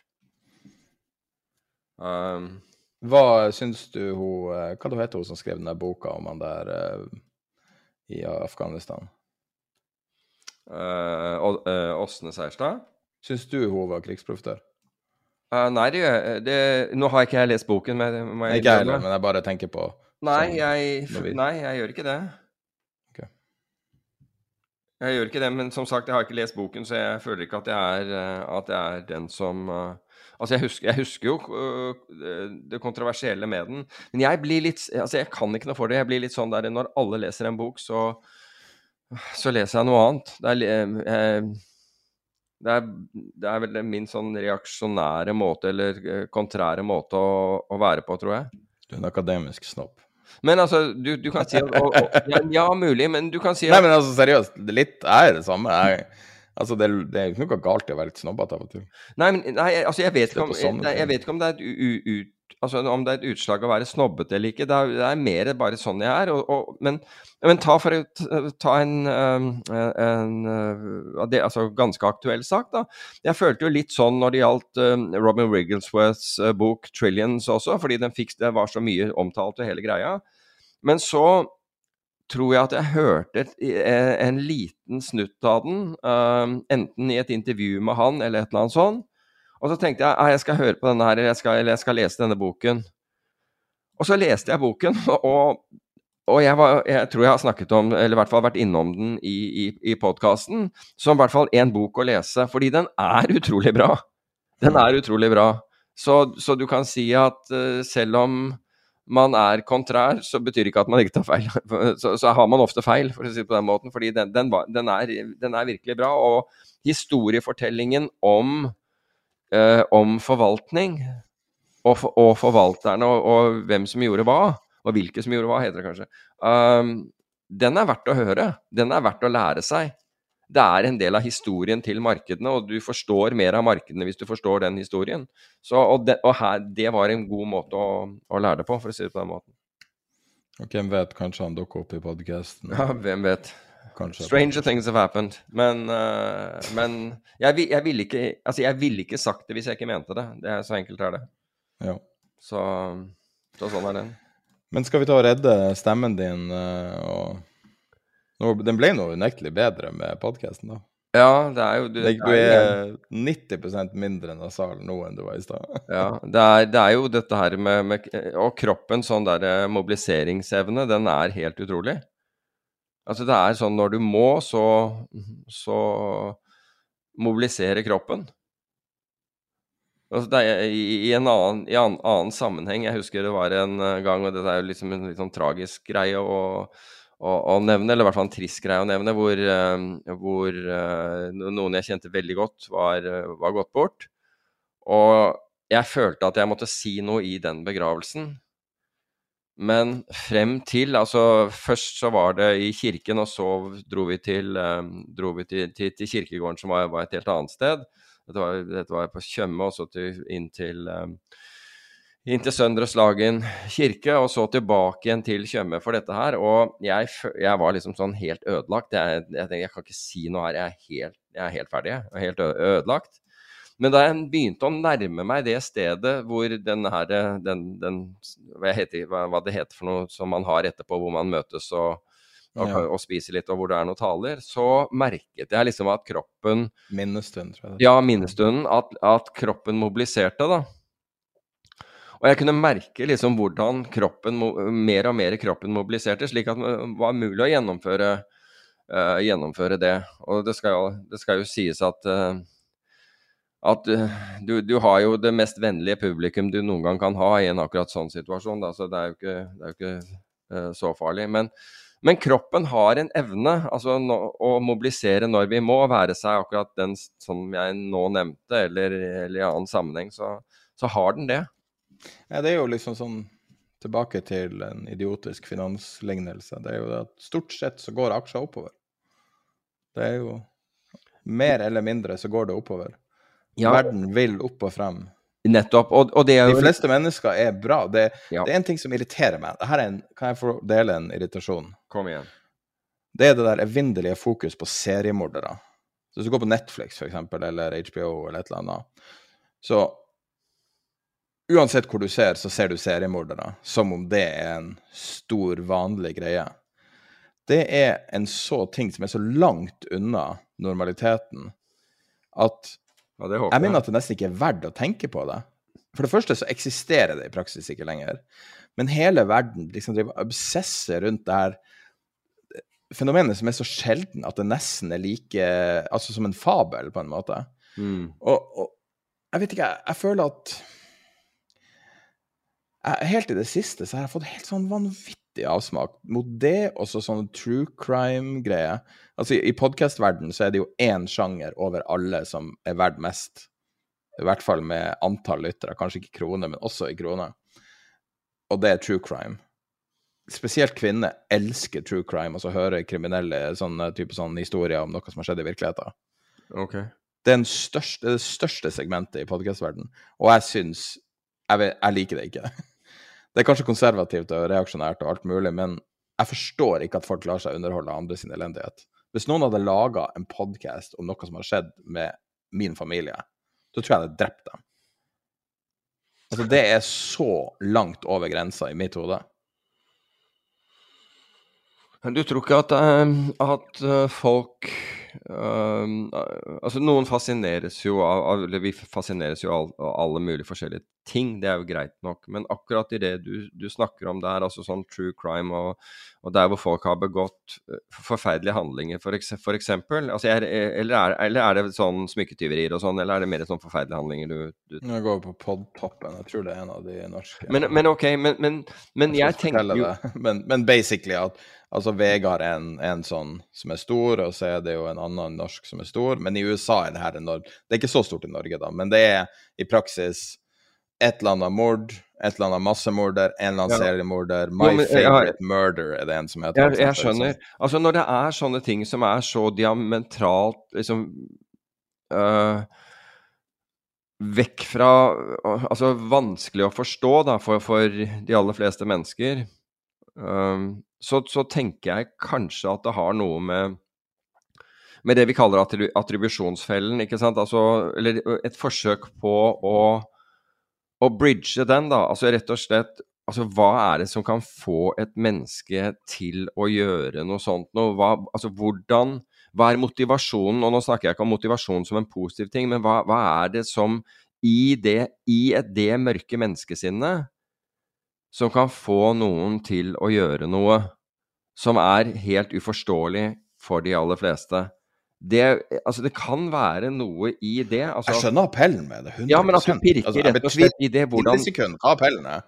Det jeg sier er Just because you could doesn't mean you should. Nei, det er jeg helt enig i. Og, og, det er det at Altså, jeg har jo vitt, jeg har vært vitne til det her etter 22. juli, da, at folk som på jobb må drive og grave i andre sin elendighet. Mm. Og så snakker de om at de uh, er helt knekt etterpå. Så bare ja, hvordan tror du den personen du ringer, har det? Og det, og det er det Jeg vet ikke, altså. Den der trenden der for meg det, jeg, jeg er blitt over 40 nå, og jeg er blitt reaksjonær på mange ting. Jeg kjenner det. Det er helt jo, men utrolig det er, det er 40. Men, men, det her er Jeg har jo sjøl vært ung mann som var fascinert av seriemordere. Jeg kan navnet på en milliard av dem og alt det der. Men, men det er ikke bare sånn følelsesmessig ståsted. Nå er jeg ikke i stand til å jeg, jeg, fatter bare ikke at folk lar seg underholde av det. Alle må jo la seg underholde av det de sjøl vil. Men Jo, men hvis, hvis... jeg prinsipielt hater det. Men da er det sånn fra et psykologisk ståsted, da, så er det jo interessant i, å, å, vite hvorfor du hater det. Er det fordi du finner at du, har, at du får sympati med de som har gjort det? Eller er, det eller er det fordi det avdekker grusomheter som gjør at du ikke får sove om natten? Og det er noen som liker Nei, det det at Jeg mener at mennesker er grunnleggende gode. Hva sier du? Og jeg mener at mennesker er grunnleggende gode. Og ja. Altså, jeg har hatt flere virksomheter der jeg har hatt tusenvis på tusenvis av kunder, og interaksjoner på forskjellige måter i altså forskjellige former, også kompliserte transaksjoner og alt sånn. Mm. Og jeg kan bare huske én gang det gikk litt galt. Altså, jeg kunne legge tusenvis av kroner på en, på en benk, og så kunne jeg bare si 'gå og hente der'. Altså, du, folk er til å stole på. Og det vet, Det lages det ikke noen Netflix-filmer om. Kan ikke én film være om en uh, småbarnsfar som bare er ordentlig, liksom? Går det ikke an én gang? Går det Ja, an å altså, lage en film om noen Problemet er at det skal bare ett råttent eple til for, å, for at alle eplene råtner, liksom. I kurven, dessverre. Uh, i Ja, nei, så jeg ble nesten drept av Behring Breivik, så jeg skjønner jo, Ja. jeg skjønner jo det. Men I- Ja, det er jo en, det er en ekstrem situasjon, og, og en situa situasjon du ikke kunne forutsi. Men, men jeg tenker sånn i omgang med mennesker, så skal det jo liksom Ett råttent eple kan liksom Will poison the barrel, da, rett og slett. I don't know. Så Jeg tror at folk generelt er bare Altså generelt altså, tenk, tenk deg første verdenskrig, har du sett? Du har jeg tror vi har snakka om det før, det der um, at uh, majoriteten av soldatene avfyrte ikke våpenet sitt ned en eneste gang. Og um, en høy prosentandel av dem som gjorde det, skøyt bevisst over fienden. På begge sider. For de ville ikke drepe. Ja, det, altså, jeg kan jo for, ja, jeg kan forstå det, men Men det her er jo vi vet ikke om er jo helt- Jeg vet ikke om du helt har oppfattet at en situasjon er drepe eller bli drept akkurat da, men Nei, men det, det er jo en veldig stor forskjell på profesjonelt militære og dem som er Ja. conscripta inn. Ja, ja det, det tror jeg. Det, det tror jeg. Og det her var jo det her, måtte, her var jo alle, ikke sant. Her var jo menigmannen. Og menigmannen ville ikke skyte. Nei, syns- det, det var vel Sorry, det var ikke Nå er det her, det her er soft topic som vi kan komme, men Jo, men det, det, er, er interessant psykologisk, og det er mulig at vi skal klippe dette her vekk, men, men du kan si det var, Nei, vel, det var vel samme Det var vel uh, samme erfaring man gjorde fra i Vietnam. For veldig mange av de som var der, de var jo De, uh, de var jo Altså, de, hadde, de kom dit pga. verneplikt. ja. og hadde ikke noe spesielt lyst til å befinne seg i, i eh, fuktige, varme Sørøst-Asia, jaktende på noen som eh, altså egentlig du ikke forsto mål og mening med, og livsfarlig var det å være der, og stadig fikk folk blåst av seg en fot eller et eller annet sånt, eh, eller verre. Så, så, så du kan si at det, det har jo med Det er akkurat som du sier, det er forskjellen på på uh, tropper som ikke ønsker å være der, altså, og de profesjonelle troppene, de som på en måte er der for mål og mening og, og, og forstår hvorfor de er der og, og hvilken oppgave de har. Og de som bare ønsker å, at nå, det, nå har det gått to dager, så nå er det 363 dager til. Uh, jeg, jeg trenger å være her. Det var for øvrig en bok som gjorde inntrykk på meg, som het 365 dager fra, fra akkurat fra Vietnamkrigen, som jeg leste da. Sto det noe om fragging der? Uh, det husker jeg ikke, det er så mange år siden jeg leste den. Det er 30 år siden jeg leste den, eller et eller annet sånt. Fins det i britiske militæret? Jeg tror det fins alle steder, men uh, har, jeg vært, har, jeg, har jeg noen eksempler på det? Nei, jeg har ikke det. Men uh, i den der fullstendige ganske for, mange. fortviltheten så, som det kan, kan utgjøre så, Å, jeg trodde det var mer sinne. Sinnereaksjon. Ja, det, det kan det jo være, men, men du kan si det kommer jo ut, ut av en sånn der fortvilelse over en situasjon og, og noen som no, Noen som du mener eh, Altså, du mener da ved at du følger du det, vedkommende, så, så, er, så går det rett i Så, dør du. Altså skyte sin egen sersjant, liksom. Ja, så, så, som sagt, jeg har hørt om det. ting det er jo et uttrykk som heter fragging, men, men jeg, jeg har ingen eksempler på det. Nei, det er jo den der Tilman er vel den mest kjente. Hva sier du? Tilman, han uh, tidligere amerikanske fotballspilleren. som Ja, ok, ble nei, jeg kjenner Men det ikke. var vel teknisk sett ikke fragging, men det var jo okay. friendly fire. Det er, eh, altså hvis du blir bedt om å gjøre noe som, er, som du forstår dette her, dette går ikke. Dette er, altså, det er verken logikk bak det eller eh, og, og, utfallet, og utfallet forstår du, så er det klart at det, det skal noe til å motivere seg for sånt. Det forstår jeg. Men jeg tror Jeg har inntrykk av at ungdommen nå er uhorvelig motivert til å være i militæret. Jeg har familie i militæret nå som bare er så motivert og er så positiv, og altså feedbacken er veldig positiv fra militæret nå. Jeg tror, har, jeg tror man har lagt vekt på det. Jeg tror man har lagt vekt på at det skal være høyt motiverte som, eh, som, som tas inn. Og er man tvil om den motivasjonen, så, eh, så, så, så velges du ikke inn, rett og slett. Og, det, og du kan si at det mer krevende ting du skal gjøre med, det, det mer eh, du skal drive med, det, det høyere grad av motivasjon er man ute etter. Så det er sånn det er. Sånn det, er. det var noen som sendte meg en, et klipp, apropos det, fra Det var fra NRK. Hvordan fikk jeg det, da? Ja? husker jeg ikke, men jeg Og det var, det var fra marinjegeropptak i Bergen som gikk Og dette var på Lørdagsrevyen et år. Og du, ser, du forstår at du må være litt motivert for å komme gjennom det der. Det er klart.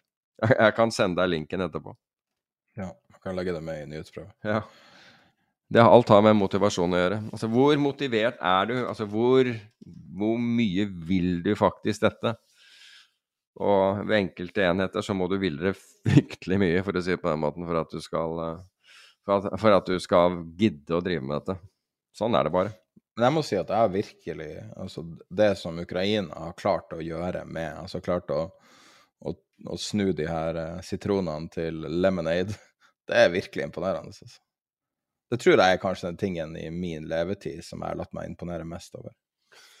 Ja, altså den, den kampviljen til folket er jeg helt enig i. Den er, den er jo enestående. Altså det er bare Det gjør sånn inntrykk av at Ja, jeg, jeg er enig med deg. Ehm, jeg er også veldig, er veldig imponert av det. Men nå har vi gått, på, gått langt, langt, utover. Vi får, vi får, ja, men det er jo en podkast. Man skal jo snakke podcast. Vi får vurdere hvor mye, av dette, hvor mye av dette her skal, ehm, skal uh, komme ut. Jeg har som en sånn regel, jeg har aldri sagt det, men at hvis man skal gå utenfor uh, fagfelt, holdt på å si, gjør det på slutten av podkasten i stedet for i starten. Ja, da kan man, man gjør det i starten og begynner å snakke om fotball og, og uh, Grand Prix og sånn, da blir folk irritert. Men på slutten, da, da er det mer jeg ser, ikke for, ja, jeg ser ikke for meg at det vil være vår At vi begynner på den måten uansett. Vi får, ta, vi får ta spørsmål og svar og alt mulig sånn neste gang. Er det sånn å forstått? Er det er ikke noe som er akutt? Jeg tror, jeg, jeg tror ikke det er noe Jeg må bare se fort. Det var en um... Ja, det var en interessant om uh, eiendom. Vi kan ta den inn. Uh, mer en kommentar enn et spørsmål, men han stilte om vi hadde uh, vært med på det samme, da, men det overrasker ikke det han sier. En svenske som flytta til Norge, som leier ut boligen sin her, og har gjort det i et par år. Og i 2020 så skulle han leie ut, og da hadde han fem-seks stykker på visning. Og nå skal han leie ut, og da hadde han 80 stykker på visning, og en av dem var en pendlende politiker som skulle være der i tre dager i uka. Og han valgte ikke den personen. altså Det er jo på en måte den beste tenkelige leietakeren med statsgaranti mm. og ingen ja, ja, ja. ja, Og det var en bedre kandidat enn det. De 9... Og han spurte er det her vanlig. ja, de, de, de, 79 andre var studenter. Ifølge kan, kan jeg, Hva tror du om boligtallene i Norge nå? Hvor i alle dager kom det fra? Ja, jeg vet ikke. Jo, altså, jeg, jeg tror det er delayed tall, jeg, på, på, på en måte. For jeg har ikke delayed tall, og det viser Altså, ja, har, altså, du... jeg har live-tall jeg fikk i dag. Har du det, ja? Men eh, nå, jeg bare så kommentarer fra, fra, fra, to meglere nå den senere tiden. En som alltid, alltid, alltid har, vært, uh, har, har ment at uh, prisene skulle gå opp. Hun hadde nå snudd og ment at, at vi, det motsatte ville skje. Så og, og, det er jo det de ser på visninger. Ja. Og en, en, venn av meg solgte da en, en leilighet uh, nylig, uh, og det første megleren sa var at vær oppmerksom på at uh, markedet er mye svakere nå. Ja. Han fikk solgt, han fikk solgt, men, men det Jeg kan si på det beste indikatoren kanskje på markedet i, i sin sanne sanne på en måte, altså en, en, sann pris, på en måte, eller hva man skal si. Det er vanskelig å vite hva markedet egentlig er, fordi at det tar lang tid å gjøre transaksjoner. Og så hvis et, en, en, ting ikke blir solgt, så er jo det også data. Mens eh, prisjusteringer syns jeg er ganske fin, og da har vi jo en lytter som trekker det for oss. Eh, eller han trekker det for seg sjøl, men jeg bruker å sende meldinger og spørre hva som skjer. Så de siste syv dagene er prisjustering eh, er absolutte majoriteten er ned. Men noen boliger er justert opp. En bolig nå for et par dager siden, en liten bolig, ble justert opp med 9% nylig. Oi. Men det er jo selvfølgelig helt, altså en av de billigste boligene i Oslo. Men likevel. Eh, dessverre så er det på andre sida av skalaen, spesielt i de store boligene, så er prisjusteringen mellom, 10, mellom 20 og 10 nå. Mm. Og eh, eh, trenden generelt er fallende. Eh, økt liggetid Um, og at uh, prosentmessig differansen mellom uh, prisantydning og tinglyst verdi blir bare lavere og lavere. Ok. Og så er det ett prosjekt jeg trenger ikke å navngi det, som virker som et større prosjekt som virker som å ha gått på en smell i Oslo. Altså en flere som ikke får solgt. Men for å ta noe gledelig i forbindelse med dette med, med boliger, og det var jo i, i, forrige uke, så apropos vi nevnte jo den derre, eh, hva var det jeg kalte den, Mine Hybel, som uh, var bruket av cruiseskip som, uh, som leiligheter for, uh, for studenter. Ikke lat som du ikke husker. Hva sier du? Ikke lat som at du ikke husker at du kalte det det. jo, jeg bare snubla litt. Grann. Jeg er litt sånn med, med, litt feber og i kroppen så går det ikke like fort rundt. Men, men poenget var at i forrige uke så, så ble det jo meldt at, um, at flere havner, bl.a. vestkysten av USA, Canada og noen andre steder, cruisehavner, nå ville ha redusert um, vil ha redusert ankomst.